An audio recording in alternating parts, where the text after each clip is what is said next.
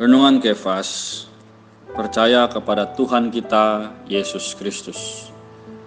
Kisah para Rasul pasal 20 ayat 21b berkata Supaya mereka bertobat kepada Allah dan percaya kepada Tuhan kita Yesus Kristus.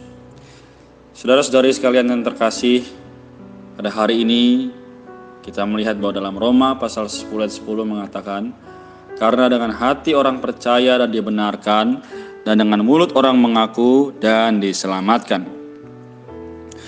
Percaya atau tidaknya kita adalah perkara di hadapan Allah. Tidak seorang pun mengetahuinya. Jika kita sungguh-sungguh percaya, kita pasti dibenarkan di hadapan Allah.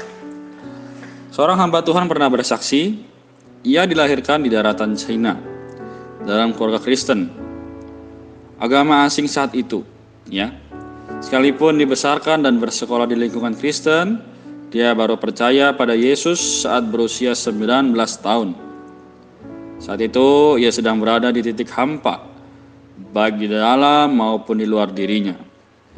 Adalah seorang wanita muda datang ke kotanya untuk memberitakan Injil.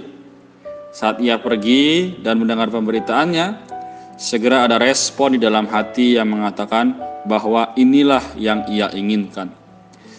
Dalam perjalanan ke rumah, ia berhenti dan memandang ke langit serta berkata, Ya Allah, sekalipun engkau memberikan seluruh dunia ini kepada saya, saya tidak akan menerimanya. Saya hanya menginginkan engkau. Betapa indahnya perkataan ini. Sobat Kefas, kalau Tuhan sampai detik ini masih memberikan kita waktu untuk menerima dia, maka jangan kita mengeraskan hati kita Mari, terimalah Tuhan sebagai juru selamatmu.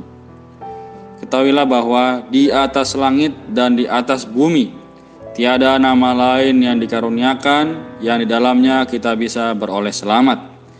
Katakan dalam kisah para rasul 4 ayat 12. Sobat kafas sekalian, semoga melalui pemberitaan pada hari ini kita juga bisa memberitakan kepada teman-teman lain bahwa Tuhanlah satu-satunya yang bisa menyelamatkan kita, malah kita percaya kepada Injil dan menerima Tuhan Yesus Kristus. Mari kita berdoa. Terima kasih Tuhan atas karya yang mustika yang Engkau kerjakan di dalam diri Yesus. Karena Engkau telah membangkitkan Yesus dari antara orang mati, kini aku ada jalan untuk diselamatkan.